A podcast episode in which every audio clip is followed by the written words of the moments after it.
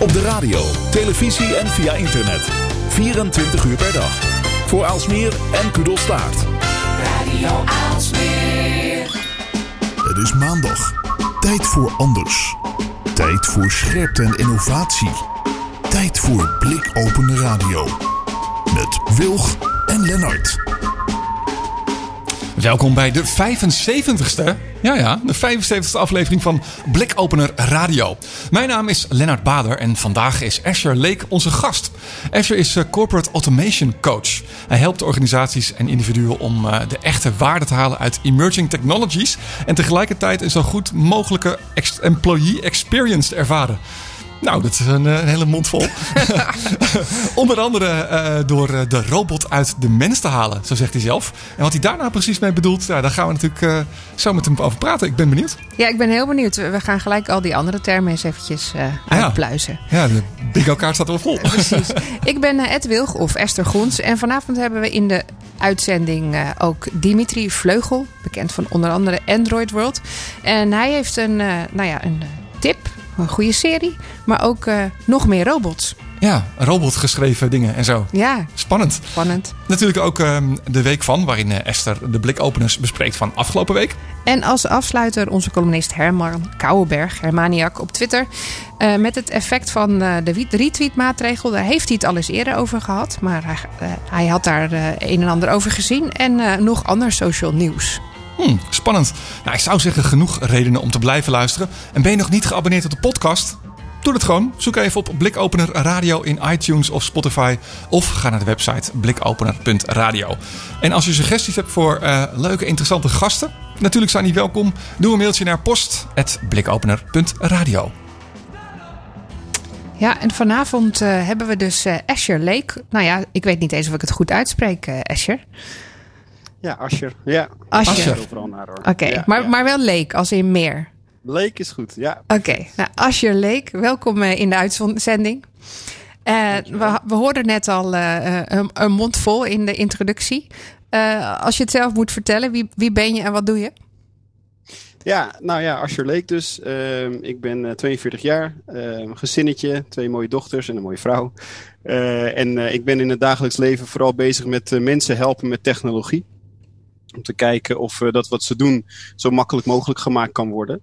Uh, na term als consultant of uh, um, inspirator of whatever, uh, vind ik iets minder, minder sexy. Dus ik heb het zelf corporate, corporate automation coach gedoopt. en dat is dus eigenlijk gewoon wat het zegt. Ik probeer corporates, bedrijven, te helpen te coachen in hoe zij digitale middelen zo goed mogelijk kunnen inzetten om nou, de medewerkers uh, employee experience, de medewerkers zo tevreden mogelijk te houden. En aan de andere kant ervoor te zorgen dat hun resultaten optimaal zijn. Door te besparen of uh, ja, revenue of winst, inkomen te verhogen. Ah, dus je zet technologieën in om de processen die de mensen normaal gesproken doen eigenlijk uh, makkelijker te maken. Dat is uh, mooi in één zin. Ja. ja. Moest even uitgelegd hebben. En maar uh, uh, dat wilde je vroeger altijd al worden, corporate automation coach? Dat had je bedacht nee, toen je vijf was? Geen idee, geen idee. Ik, ik had eigenlijk geen idee wat ik wilde worden. als ik terugdenk, dan is er ergens dat ik geroepen heb dat ik heel graag architect wilde worden. Maar geen idee waarom. Uh, ik ben niet zo handig. Ik wilde iets kunnen maken. Misschien dat het daarin zit. Ik heb echt werkelijk waar geen idee. Maar nooit bedacht gedacht zelfs dat ik iets met IT zou doen. Um, hoewel ik het wel altijd wel interessant heb gevonden. Of het nou Commodore 64 je was of uh, nou weet ik veel wat voor machines. Atari volgens mij ook nog ja. uh, gehad vroeger.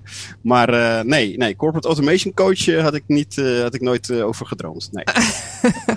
wat wel? Had je, had je ja, brandweerman klinkt een beetje flauw, maar had je, had je als kind iets wat je... Wat je... Behalve architect dan? Maar... Ja?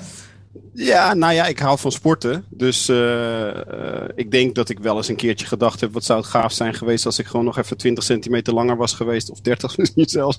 en de basketballer was geworden bijvoorbeeld. Hé, hey, maar de beste uh, guards hoeven niet zo lang te zijn, hè? Nee, daar heb je een punt. En dat ben ik dan ook, hè. Dus, en, en ik moet zeggen, over coachen gesproken en, ba en basketbal... ik hou ervan om anderen beter te laten spelen. de bal te geven om ermee te doen wat we als, waar we als team allemaal wat aan hebben. En dat, als, dat zit dan wel weer in mijn persoon en dus ook in mijn werk. Dus uh, uh, de insteek komt wel weer terug. Het veld ben ik niet, uh, niet de grootste. vaak wel snel. Maar eh, ik deel hem vaak uit eh, aan anderen, zodat die ermee kunnen doen waar we allemaal plezier van hebben. Maar, maar hoe ben je wel in de wereld van technologie gerold? Want ik neem aan dat je voordat je corporate automation coach was, ergens een soort van voorpad ontstaan is. Want ja, de robots zijn er nog niet zo heel lang. Nee, nee, nee. Ik ben wel een poosje terug, maar ik ben begonnen ooit in Haarlem, Hotel Haarlem Zuid. daar heb ik gewerkt en deed ik eigenlijk de sales en de banketing. Maar ik ben daar langzamerhand onze heren en dames van de receptie gaan helpen met IT-problemen. Toen dacht ik, nou, vind ik wel gaaf. Ik heb een soort van reserveringssysteem geschreven in Excel destijds. dat zou ik nu wel anders doen, denk ik. Maar goed, daar dacht ik van, nou, dit is wel heel leuk en ik kan toch een beetje iets bouwen.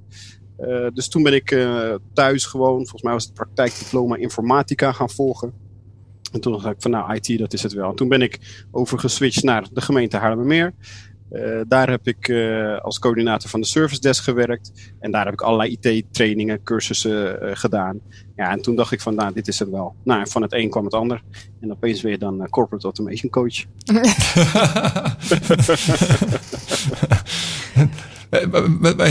je hebt um, ook lange tijd bij KLM gewerkt, begrepen we? Wat was daar ja. je rol? Tot eergisteren. Uh, dat is recent. gewerkt. ja, ja. Uh, ik heb daar, ben daar begonnen als uh, iemand die IT-processen vooral stroomlijnde en bij, bij bleef helpen. De afgelopen jaren, ik moet wel zeggen, dat waren denk ik wel, als ik terugkijk, de mooiste jaren, heb ik gewerkt voor de KLM Digital Studio. Dat is een, ja, een entiteit die de rest van de KLM heeft geholpen en nog steeds aan het helpen is om ja, die digitale transformatie zeg maar, te versnellen.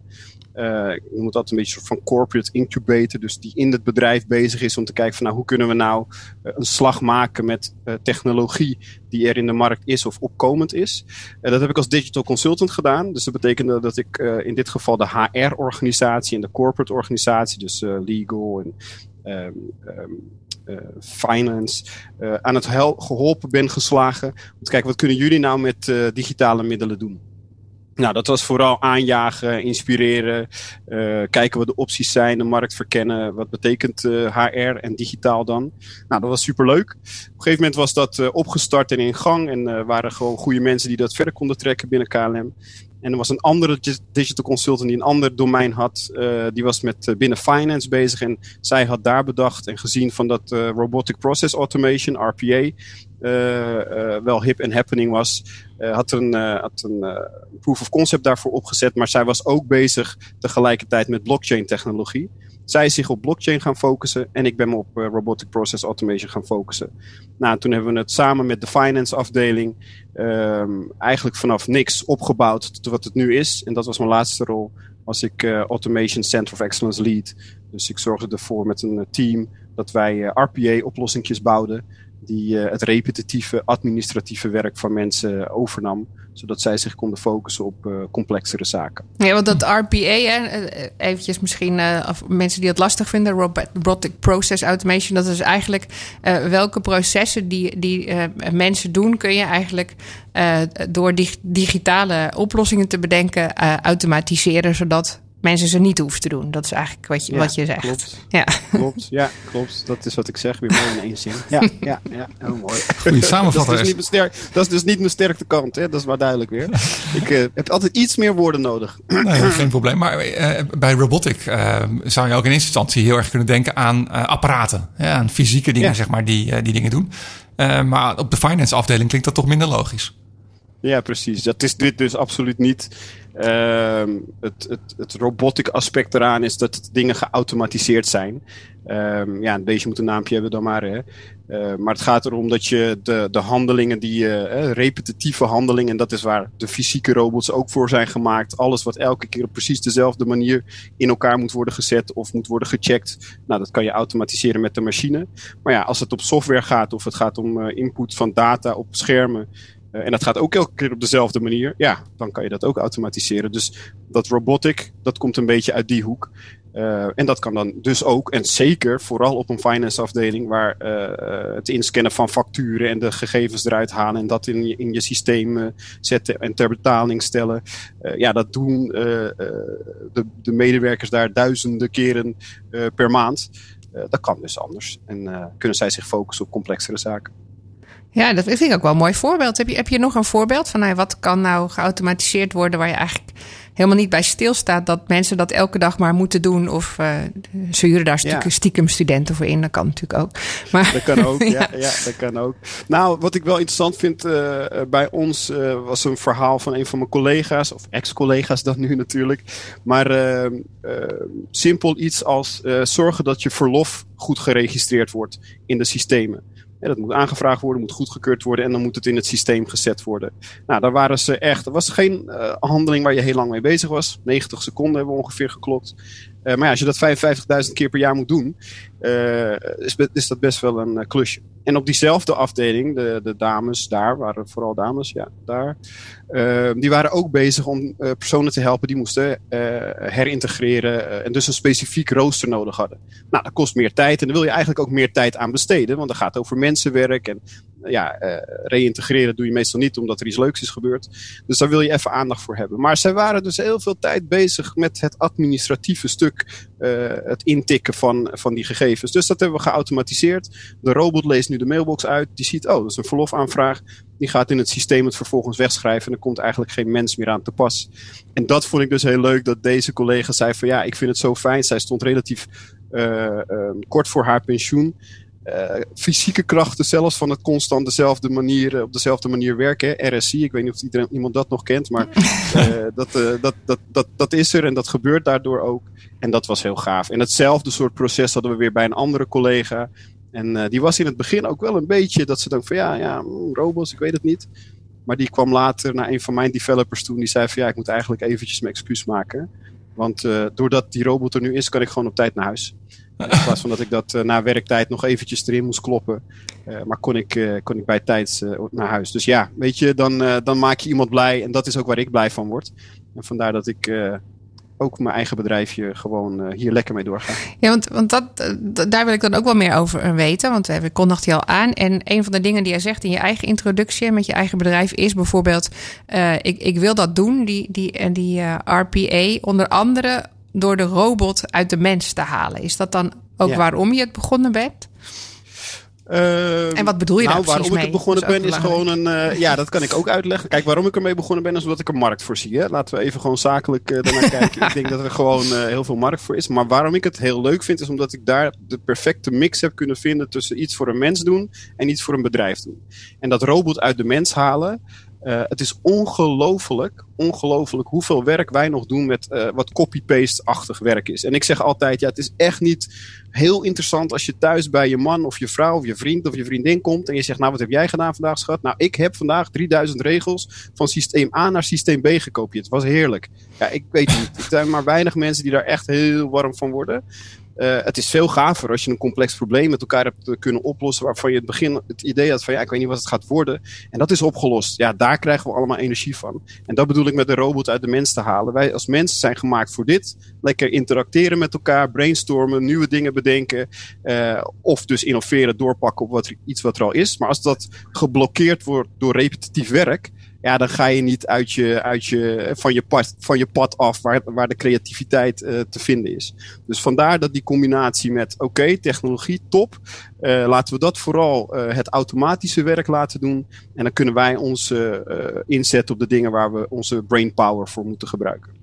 En, en dat automatisch, hè? Want eh, ik, ik ken ook eh, veel bedrijven die daar, daarmee werken. En je kan heel veel omzetten eh, om dat automatisch dan weer in systemen te laten zetten of automatisch iets te doen. Ehm, moet dat dan, hoeft dat dan helemaal nooit meer gecontroleerd te worden door, door die mens die erachter zit? Of, hoe, hoe zie jij dat? Nou, ik- er zijn natuurlijk best ja, ik- angst, eh, mensen die er angst voor hebben. Van ja, hoe gaan we daar dan mee Ja. om? Ja, nou het voordeel van een robot, en misschien heb je het ook een beetje over artificial intelligence, hè, eh, machine learning en dat soort algoritmes eh, waar je allemaal gekke en, ge- enge verhalen over hoort. Ja, is er ook.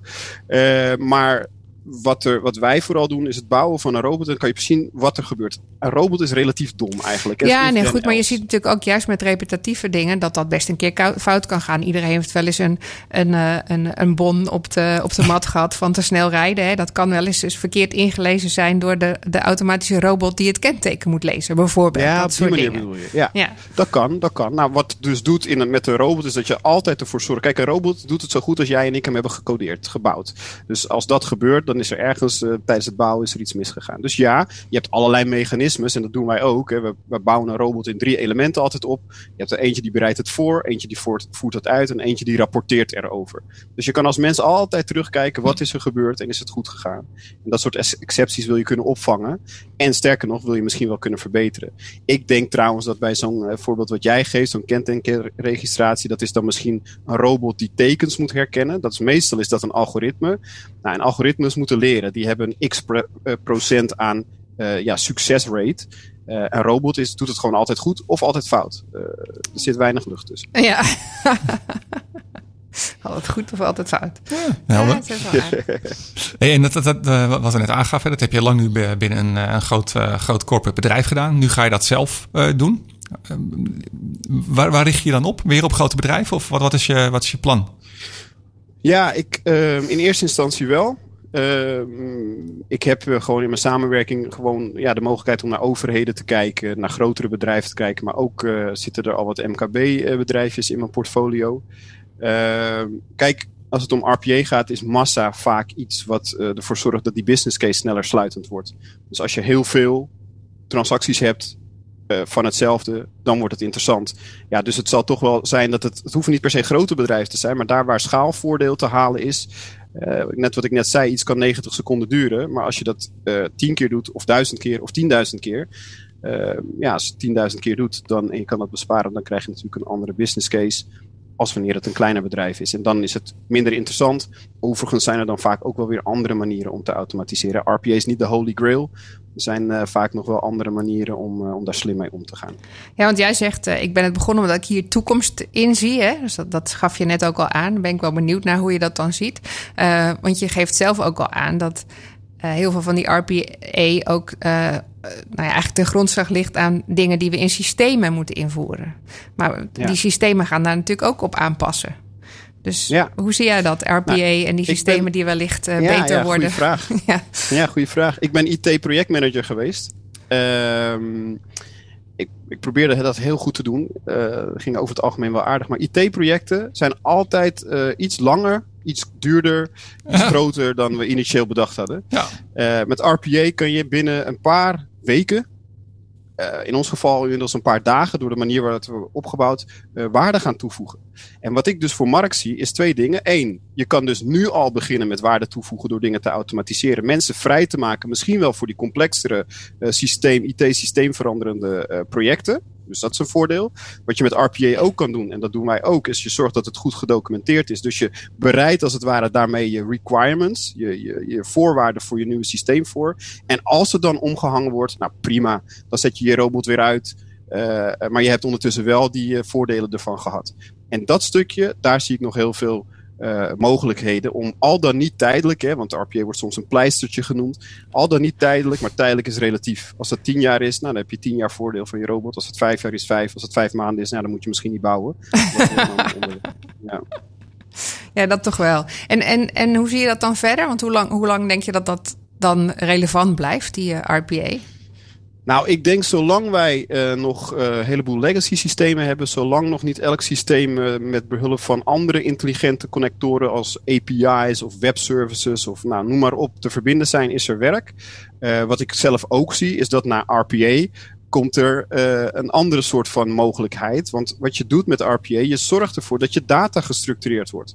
En als je data gestructureerd wordt, dan gaan er weer allerlei andere deuren open. Want dan kan je bijvoorbeeld wel kijken van kan ik patronen gaan herkennen met AI-achtige zaken, artificial intelligence-achtige zaken. Dus ja, als ik klaar ben met RPA, stap ik gewoon lekker over naar eh, IPA of AI of eh, geef het een naampje ook weer. Eh, IPA maar is ik, een ben biertje, toch? nog niet klaar. ja, ja, ja, precies. Die kan je er dan lekker bij nemen. Dat is tussendoor. Ja, Ja. dat is tussendoor. Genoeg, af, genoeg afkortingen roepen. Er zit er vanzelf iets tussen wat, eh, wat eh, goed proost. Ja, dus genoeg, ehm, genoeg markt en genoeg tijd, denk ik, om, eh, om nog dingen, mooie dingen te doen.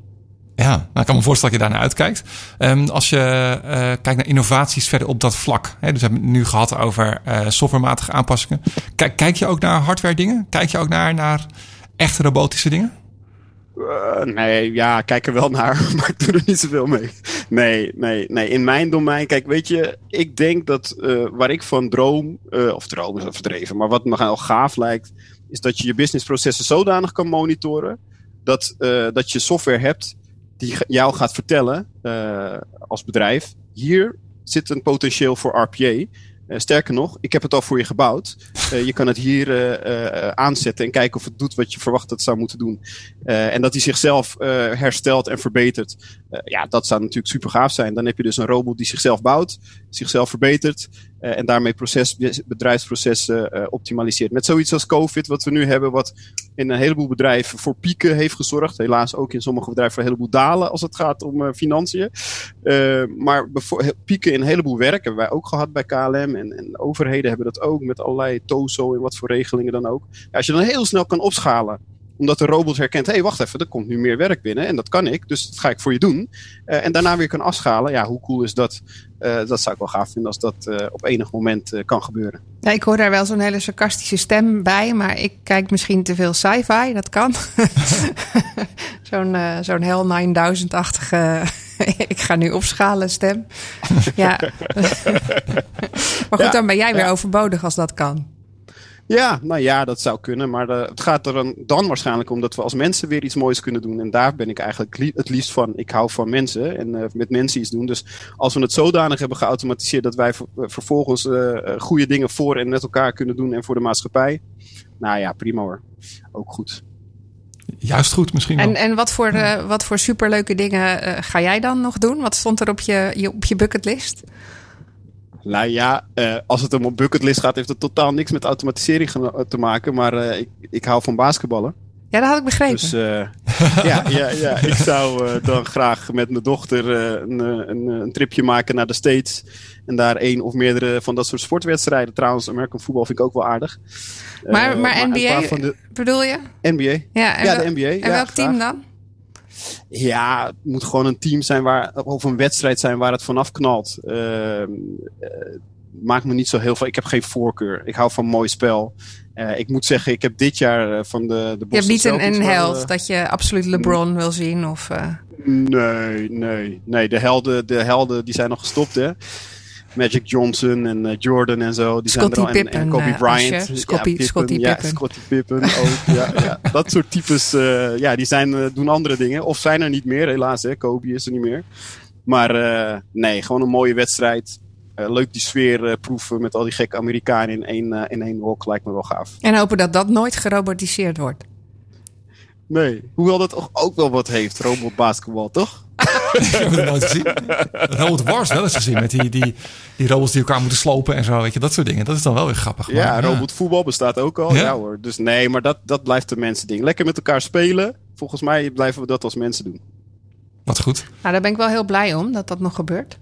Dat wij niet allemaal gerobotiseerd worden. Maar Ja. dat weer meer mensen kunnen worden omdat er robots komen. Wel mooi inzicht. Wij- eh, Asje. Ja, toch? Wij noemden ons team de Humanizers.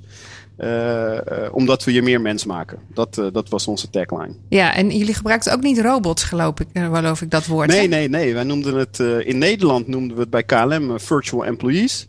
En in Frankrijk noemden we het digital assistants. Want blijkbaar vinden ze dat eh, lekkerder bekken in Frankrijk. En hebben liever een, een medewerker of iemand die hun assisteert dan een collega. Eh, nou, prima. Maar dat inderdaad, we maakten er een avatar bij en een, een verhaaltje. Elke robot eh, had een, eh, een fun fact en, en een verhaaltje. Ik moet zelf zeggen dat mijn collega's volgens mij afgelopen vrijdag op de laatste dag een, een robotje hebben gemaakt in een dag die Azure heet. Dus dat vond ik wel een hele eer. Een Dus jij blijft voor altijd Ik blijf voortbestaan. voortbestaan. Ja, hoe lief is dat? Nou, dat is mooi. En wat, ik wil wel weten wat hij dat doet, doet hij dan. Ja, ja dat is dan weer niet heel spectaculair. dat is dan weer niet heel spectaculair. Nee, we hebben nog wat legacy systemen. Dus wat oudere systemen van die zwart-groene schermen. Waarbij er eh, gegevens moeten worden gege- eh, geregistreerd voor vliegtuigen. Eh, en eh, volgens mij gaat deze twee van de transacties neerzetten. Dus ja, het is niet zo heel hip. Maar daar gaat het natuurlijk niet om. Maar je bent wel de basis. Ja. Precies, ja. Ja, toch? Ja. Daarom. daarom. Hey, hey, als mensen, als mensen ehm, eh, meer zouden willen weten over dat RPA, hè, over die Robotic eh, Process Automation, heb je een, een goed startpunt voor ze waar ze naartoe zouden kunnen gaan? Ja, mijn website natuurlijk. Dat, eh, dat lijkt me sowieso goed. Nee, maar waar ik zelf. eh, er zijn in de wereld eigenlijk een paar grote partijen met, eh, met RPA bezig. Wij werken bij KLM met UiPod. Die hebben een hele mooie academy. academy.uipod.com. En als jij morgen een robotje wil bouwen, dan kan je vandaag beginnen en dan heb je morgen je eerste robotje gebouwd. Gratis kan je dat doen en dan heb je, heb je wat ervaring. Ehm, dat lijkt me een goed startpunt om, om, om het eens te zien wat het dan precies is. Eh, zo ben ik ook begonnen en, eh, en eh, erg enthousiast geraakt. Wat leuk, wat goed. En als mensen meer over jou of je bedrijf willen weten, waar kunnen ze dan terecht? Ja, unlockingdigital.nl of op LinkedIn, Asher Lake. En dan ja, kun je een beetje meelezen wat ik mooi vind als, wat er gebeurt in de wereld rond, rond automatisering of digital transformation of chatbots of wat dan ook. Maar die twee plekken kunnen ze wat vinden. Hartstikke goed. Hey, dankjewel voor je bijdrage aan, aan Blik Open Radio. Hartstikke bedankt. This is all we got. Remember the revolution in our minds. This is all we got. Lock me out of this life institution. I am angry and I own illusions. Yes, I hate, but it's not a solution. Try my best, but I'm just a human. Oh,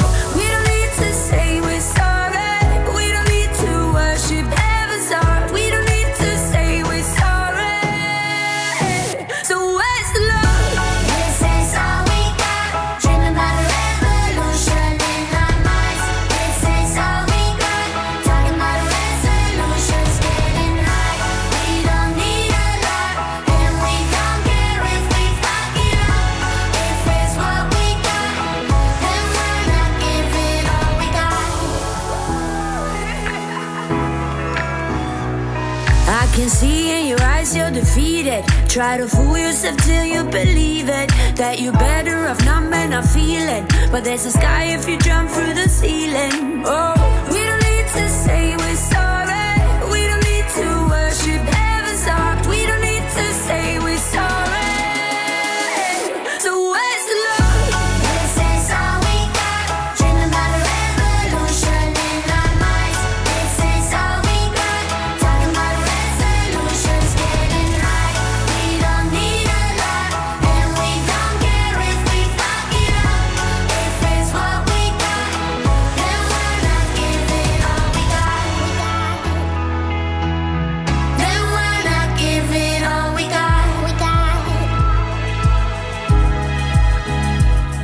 Lock me out of this life institution. No.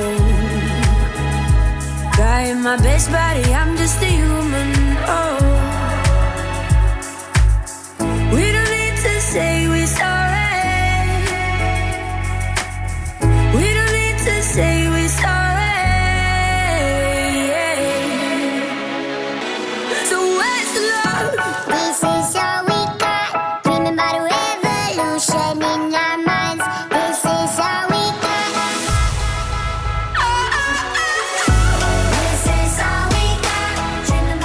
Nou, dat klopt. This is all we got. Eh, tot zover Robin Schulz met eh, Kiddo samen. Bij Blikopener Radio. En we schakelen door naar Dimitri Vleugel. Dim, goedenavond. Hey, goedenavond allemaal. Hoe is het met jullie? Ja, we zijn eh, niet geautomatiseerd. Volgens mij Kiddo wel. Maar Nee. nee. jij had ook iets met Nee, eh, ik, robots eh, vanavond, Dimitri, of niet?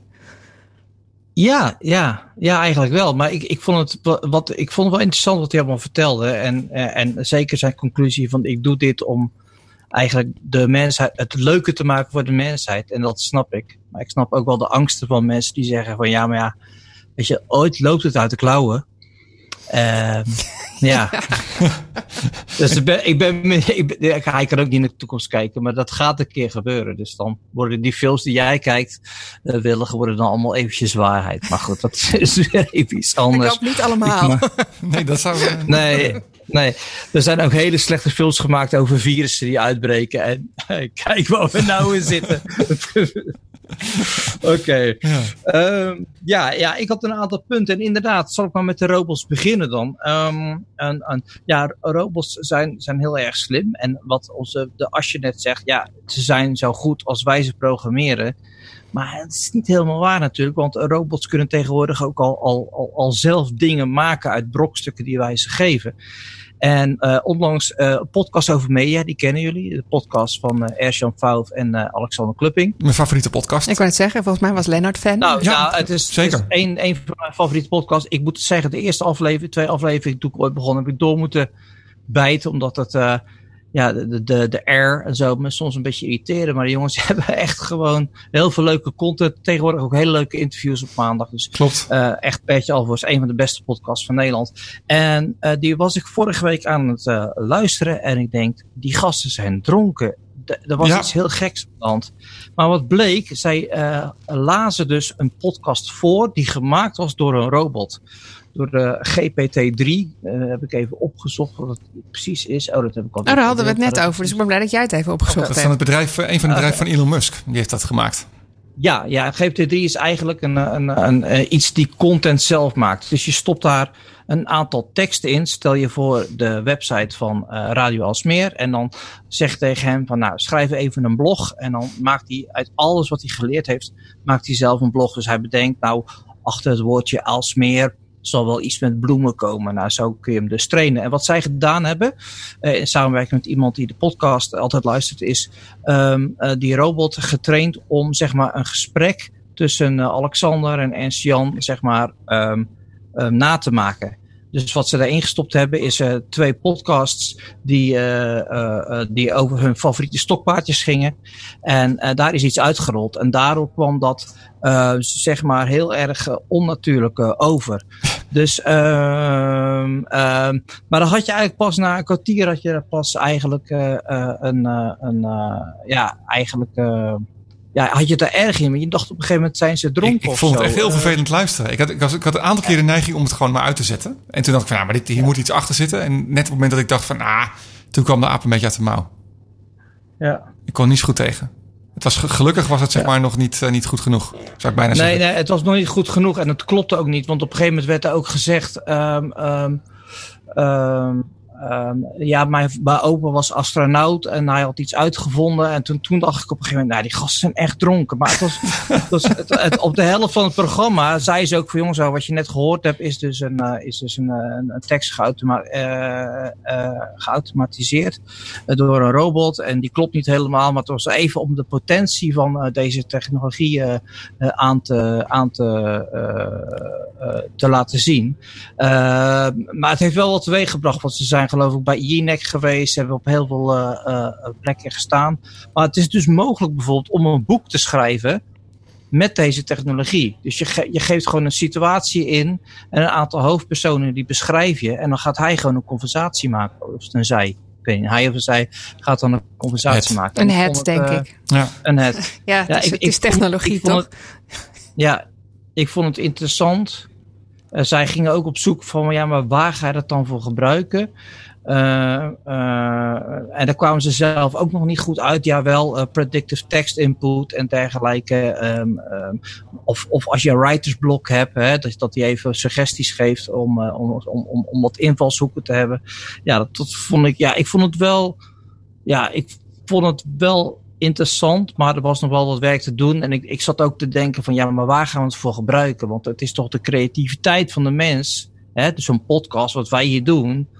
En dat komt vanuit ons, onze geest, ons hoofd. Daardoor gaan we, zeggen we al die rare dingen en, en lachen we. En, dat en hoop je wel dan, hè? Dat, dat je daar nog Ja, toegevoegde waarde Ja. Ja, maar het wordt zo berekenbaar of, of juist onberekenbaar wanneer een robot, robot het doet. Maar ik vond het wel i- i- mooi om deze podcast ehm, te, te vermelden. De GPT-3 een podcast van een podcast over media. Ehm, ja, iets, iets luchtigers. Ik, ja, hebben jullie The Mandalorian nog gekeken? Uiteraard. De aflevering. Ja, en Ja. wat vonden we ervan? Nou ja, ik vond het wel weer een stuk beter dan de, de, de, de laatste afleveringen van het vorige seizoen. Eh, ook misschien Ja. omdat die een uur duurde, maar ik was wel weer blij.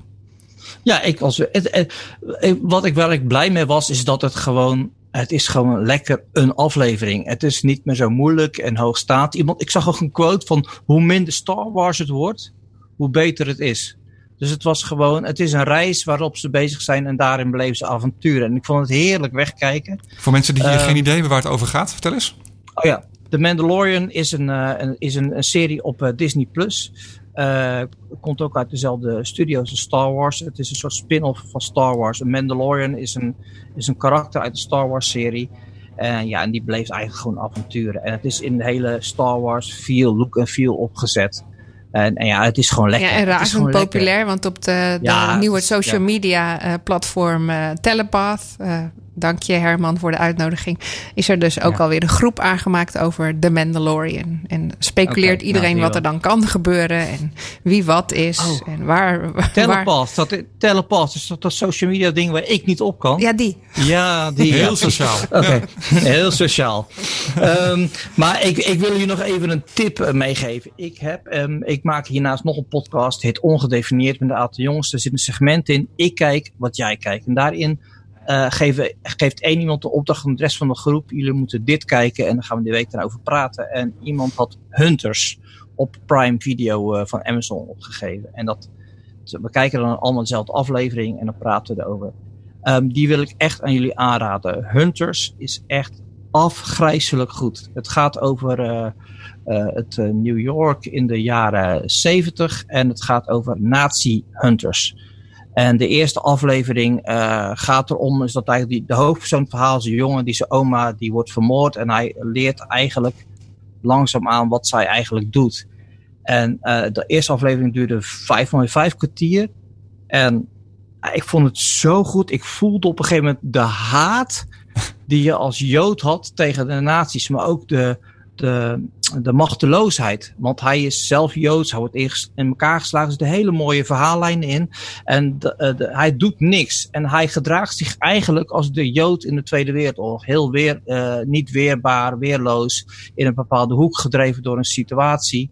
Ehm, ja, echt fantastisch, jongens. Hunters, echt kijken. Dat is echt, echt heel erg goed. Hm. jullie Ik denk overtuigd? aan Inglorious Bastards, maar dat is vast heel anders. Ja, eh, heel anders. Het was meer, eh, het is een Schindler's List, maar dan niets, dan wel meer eh, action, zeg maar. Ja. Maar het gaat om, het gaat om hetzelfde princi- principe, zeg maar. En, en er wordt heel mooi gewer- naartoe gewerkt in die eerste aflevering. En ik vond het echt, ik was echt, ja, eh, jaw drop, echt wel. Nou, je hebt me overtuigd. Nou, sowieso, omdat ik denk dat door al die eh, extra streamingdiensten die we er inmiddels hebben, hè, waar, waar, ga je, waar ga je naartoe en welke zijn, Ja. zijn no- noodzakelijk? Volgens mij eh, hadden Ja. we een paar jaar geleden alleen maar Netflix, waar we heel blij mee waren. En nu Ja. zijn het er weer honderd. Ja. Is het natuurlijk steeds Ja. meer nodig om dan te kijken welke content kijken we nou nog en welke is voor ons leuk. Ja, het, het, het wordt weer, maar dit, dit zal zichzelf ook wel weer uitkristalliseren. Maar op de, ik moet zeggen dat Amazon Prime, eh, je hebt, eh, ja, ja, daar zitten toch best wel goede dingen tussen. ehm, en, en dan dit, dit Hunters is echt, eh, echt, echt fantastisch. Ehm, ik, heb er nog, ik kan nog één kleintje doen, hè, jongens. Nog Ja, één één kleintje.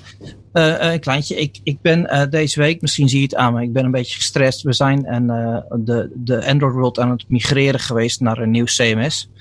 En eh, dat ging niet zonder slag of stoot. Ehm, en daarin eh, ehm, komt ook eh, de vraag van, oké, hoe ziet je website eruit? Dat vinden we natuurlijk allemaal super belangrijk. Ehm, maar als je naar de cijfers kijkt, 80% van de bezoekers van die website, maar het zal met veel andere websites ook zo zijn, die komen mobiel. En dan is design eigenlijk helemaal niet meer zo'n een, een, een dingetje eigenlijk. Omdat ja, er is maar heel weinig scherm waar je op kan kijken. Dus ehm, Ja, of juist wel een dingetje. Het moet heel goed gemaakt zijn om goed te werken. Dat is natuurlijk de andere kant. nou, oh, la- laat, ik het even, laat ik het eventjes. eh, Het, het gaat om een content website, een nieuwswebsite, waarop Ja, je nieuwsartikelen leest. Ja?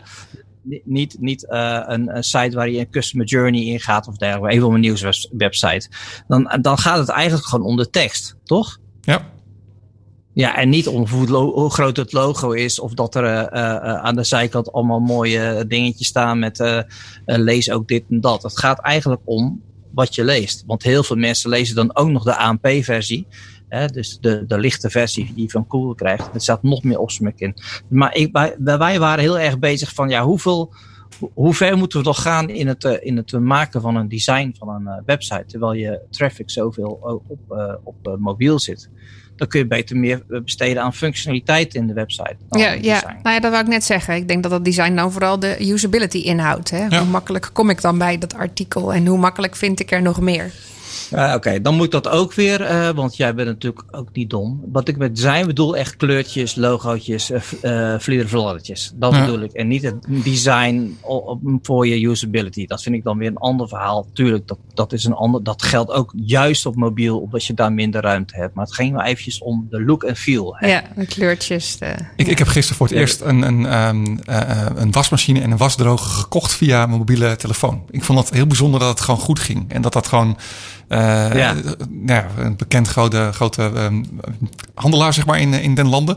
Maar die hebben, Ja. dat is kennelijk zo goed voor elkaar dat ik niet eens de behoefte had om zeg maar, mijn, mijn laptop open te klappen of om het op een groot scherm te doen. Maar dat gewoon zelfs de Ja. aankoop van zoiets groots, dat dat toch zeg maar via mobieltje helemaal kan en met betalen dat het allemaal werkt en zo. Ik was Ja. onder de indruk ja, in ik- ja.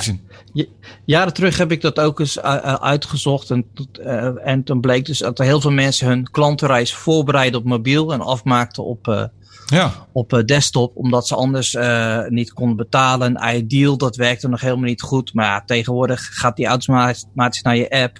En je met, je met je vingerprint log je in en je hebt betaald. Het gaat zo ontzettend snel. Niet normaal. Het is echt, uh, echt, echt wel, ja. ja dus, we, we, we komen van ver mensen. Het is ongelooflijk. Ik vind het een mooie afsluiter. Dim, dankjewel voor je bijdrage deze week. Oké, okay, graag gedaan jongens. Fijne avond. En zo gaan we door met uh, de week van. Esther, wat viel jou op? Ja, er viel me heel, heel veel op. Dus laat me even rustig nadenken om een keuze te kunnen maken. Ja. Ja, want uh, Dimitri had erg veel leuke dingen. En we hebben straks gewoon ook nog uh, Hermaniak uh, als afsluiter. Ja. Um, dus ik wil eigenlijk beginnen met eentje waar ik eigenlijk mee wilde eindigen. Want ja, je weet het nooit. Uh, en dat is eigenlijk omdat het een, op inhaakt op zowel Dimitri als uh, onze gast van vanavond. Uh, die hadden het natuurlijk al over, over werk en dat er allemaal dingen aan het veranderen zijn. Um, nou ja, goed, dat inmiddels uh, uh, ook gewoon robots uh, onze podcast kunnen, kunnen schrijven. Dus waar, waar doen wij het nou nog voor? Ja. Uh, en ik las over een, een boek van antropoloog James Sussman. En dat boek dat heet Werk, een geschiedenis van de bezige mens.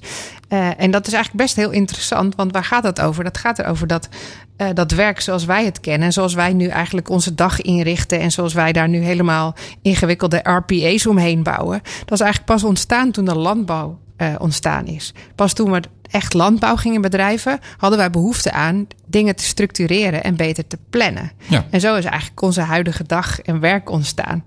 Um, en als je nou kijkt naar de, de originele, nou hoe noem je dat, hunter-gatherers, dus de, de, mensen die nog uh, jagen en verzamelen, uh, die gaan als, uh, als ze in uh, omgevingen leven waar heel veel voedsel nog is in de jungle. Gewoon als ze een keer honger hebben, denken van nou, ik ga iets verzamelen of ik ga Ja. iets eten.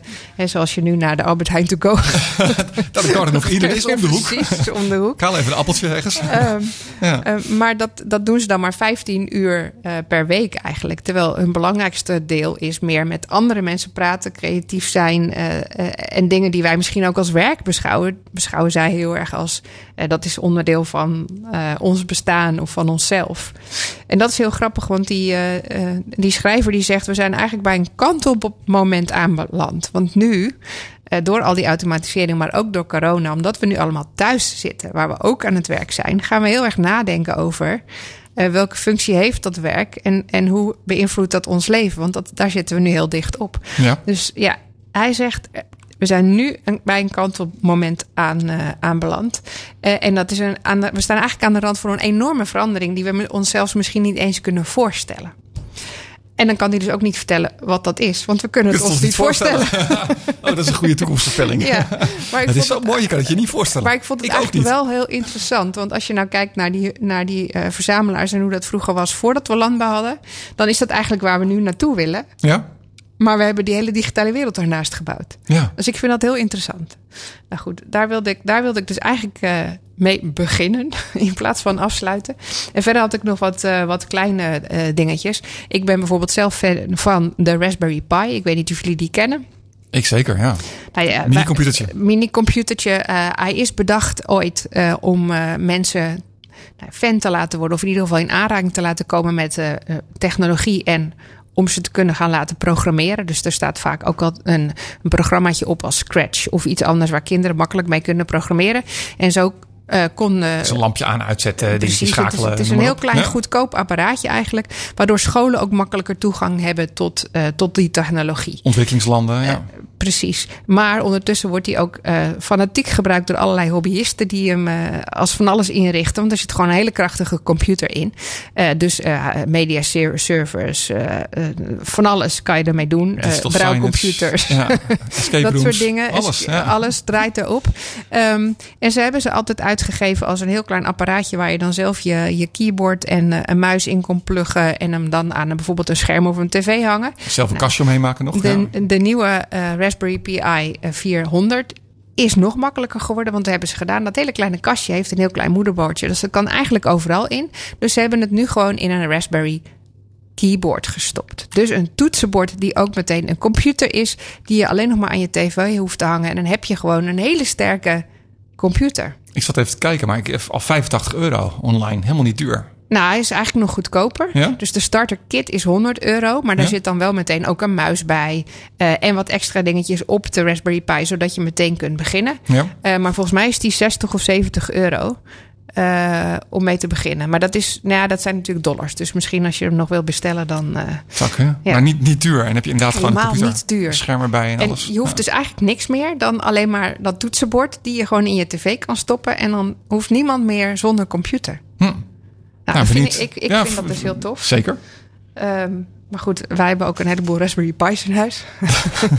Nerd. nerd. En een, eh, een andere, ja, eigenlijk wel hele mooie ontwikkeling eh, zag ik voorbij komen, is eh, van TNO, een Nederlandse bedrijf, TNO, die samen met het Erasmus Centrum bezig is met nieuwe ontwikkeling, namelijk het 3D-printen van pillen. Oh, En dan nu nog even pillen voor kinderen. Eh, en waarom? Nou, pillen voor kinderen zijn vaak heel lastig, omdat kinderen nogal van verwicht- gewicht kunnen verschillen, snel groeien.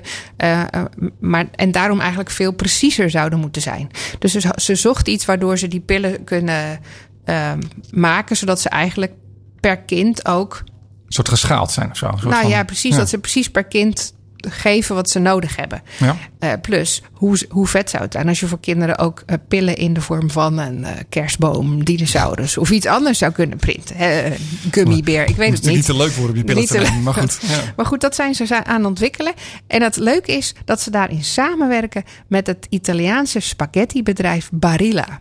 Weet niet of je wel eens gezien hebt. Die, die, die blauwe eh, spaghetti-dingen. Heel groot logo. Een van de nummer één eh, merken in, eh, in Italië, Barilla. Nou, waarom nou? Omdat Barilla eh, eh, ook ervaring heeft met 3D-printen. En spaghetti is eenzelfde ingewikkelde substantie om Ah. mee 3D te kunnen printen. En Barilla heeft al eens wat leuke dingen gedaan. Bijvoorbeeld ingewikkelde schel- schelpvormen maken. Dat je leuke nieuwe pasta's hebt. Eh, dus zijn ze gaan samenwerken met dat bedrijf om zo goed mogelijk eh, 3D-printen van, eh, van pillen te kunnen doen. En als ze klaar zijn, eh, of als het gelukt is om goed pillen voor kinderen te kunnen produceren. Hè, en dan, dan zouden ze dat ook eh, groter kunnen aanpakken. Want dat betekent gewoon dat je de productie ook in Nederland kan houden. Dat je, dat je ze niet allemaal uit Azië hoeft te, te, Ja. te hebben. Eh, dan kunnen ze bijvoorbeeld ook heel goed gaan nadenken over ja, wat houdt dat in voor ouderen. Die misschien wel vier pillen tegelijk moeten eh, slikken. Kunnen we dat ook samenvoegen? Combinatiepil. Ja. Precies.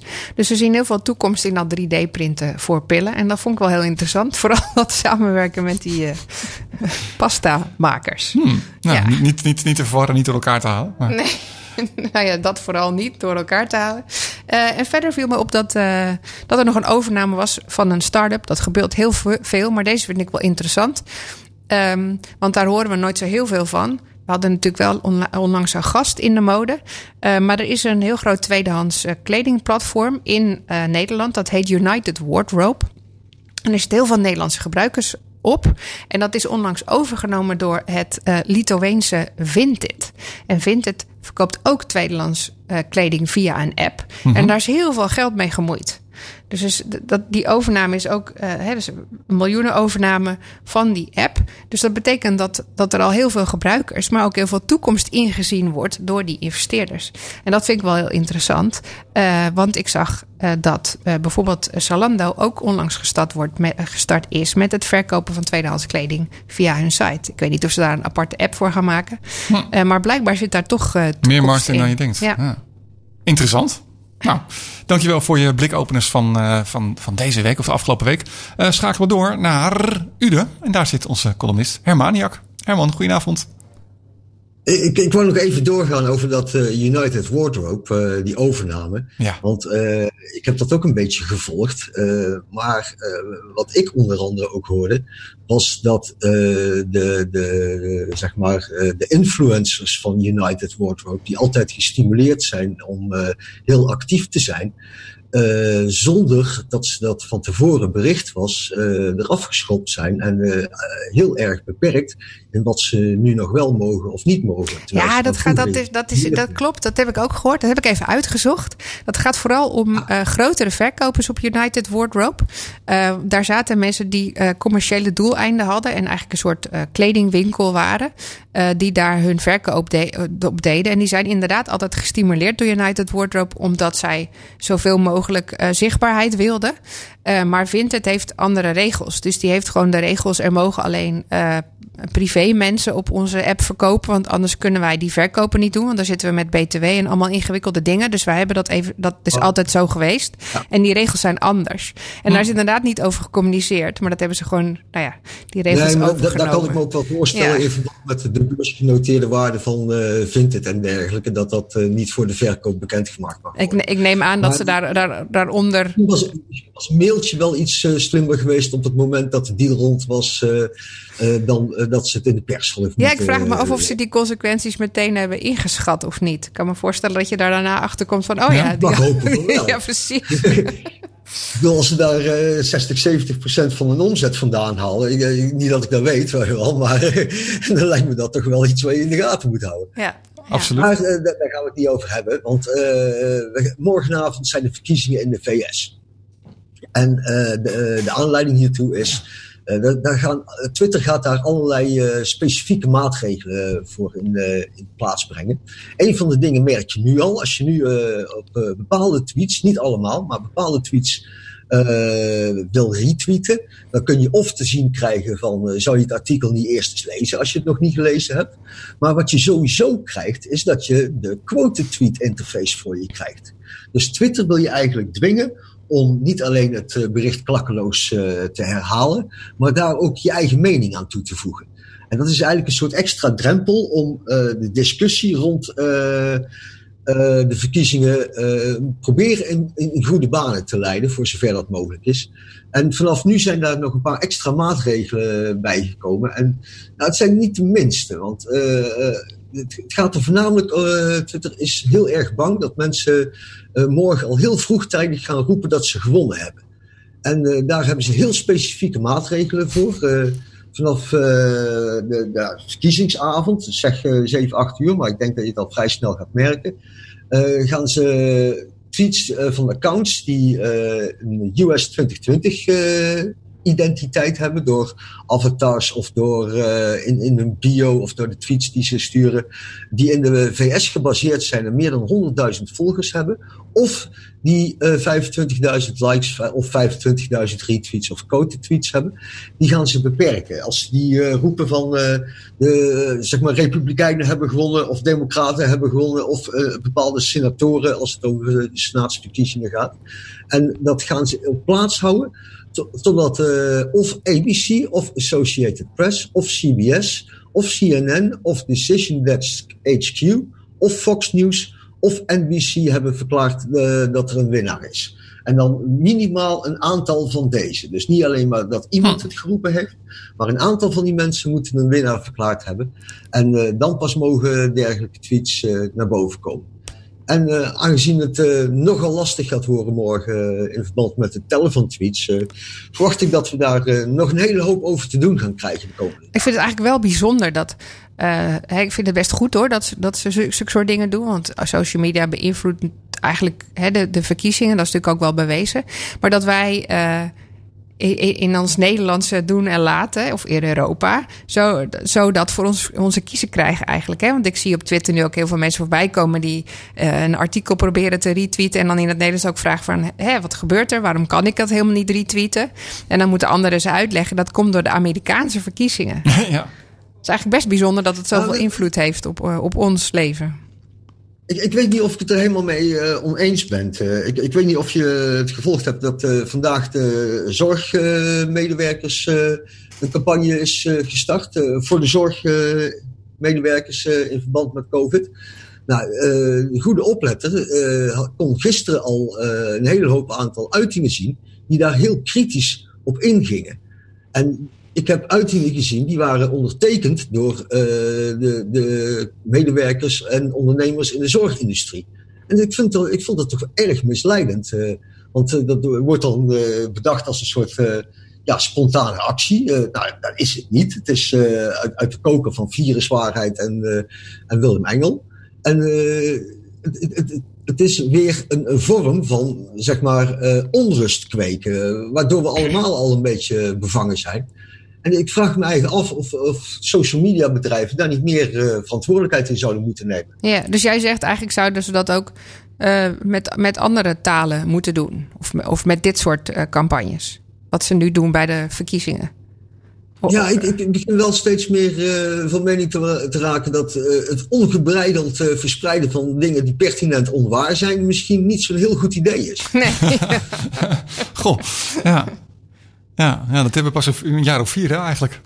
Dat zou terugherleid. Dat dat echt een ding is. Dat het echt een ding is, ja. Ja. En dat het ook invloed op Ja, ons het is altijd gewoon een begint te ding geweest, maar het is mainstream geworden. Ja, dat. En als je dan kijkt wat, eh, wat AI en, eh, en, en, en virtual personalities eh, voor het eh, vermogen te doen en hoe simpel het is om eh, heel simpel eh, dingen te faken, eh, dan vraag ik me af in hoeverre we dit nog eh, gaan meemaken en wat het voor consequenties gaat hebben. Ga gewoon. Stichtelijke woorden aan het einde van de avond. Nou, ik vind het een, eh, een, eh, een, een, een nadenkertje als, eh, als afsluiting. En dankjewel Herman voor je bijdrage aan, aan deze aflevering Blik Open en Radio. Graag gedaan. graag tot de volgende keer. Ehm, daarmee zit u er alweer op. Volgende week zijn we er weer. Hebben we wederom een interessante gast. Dus eh, ik zou zeggen, Fijne week.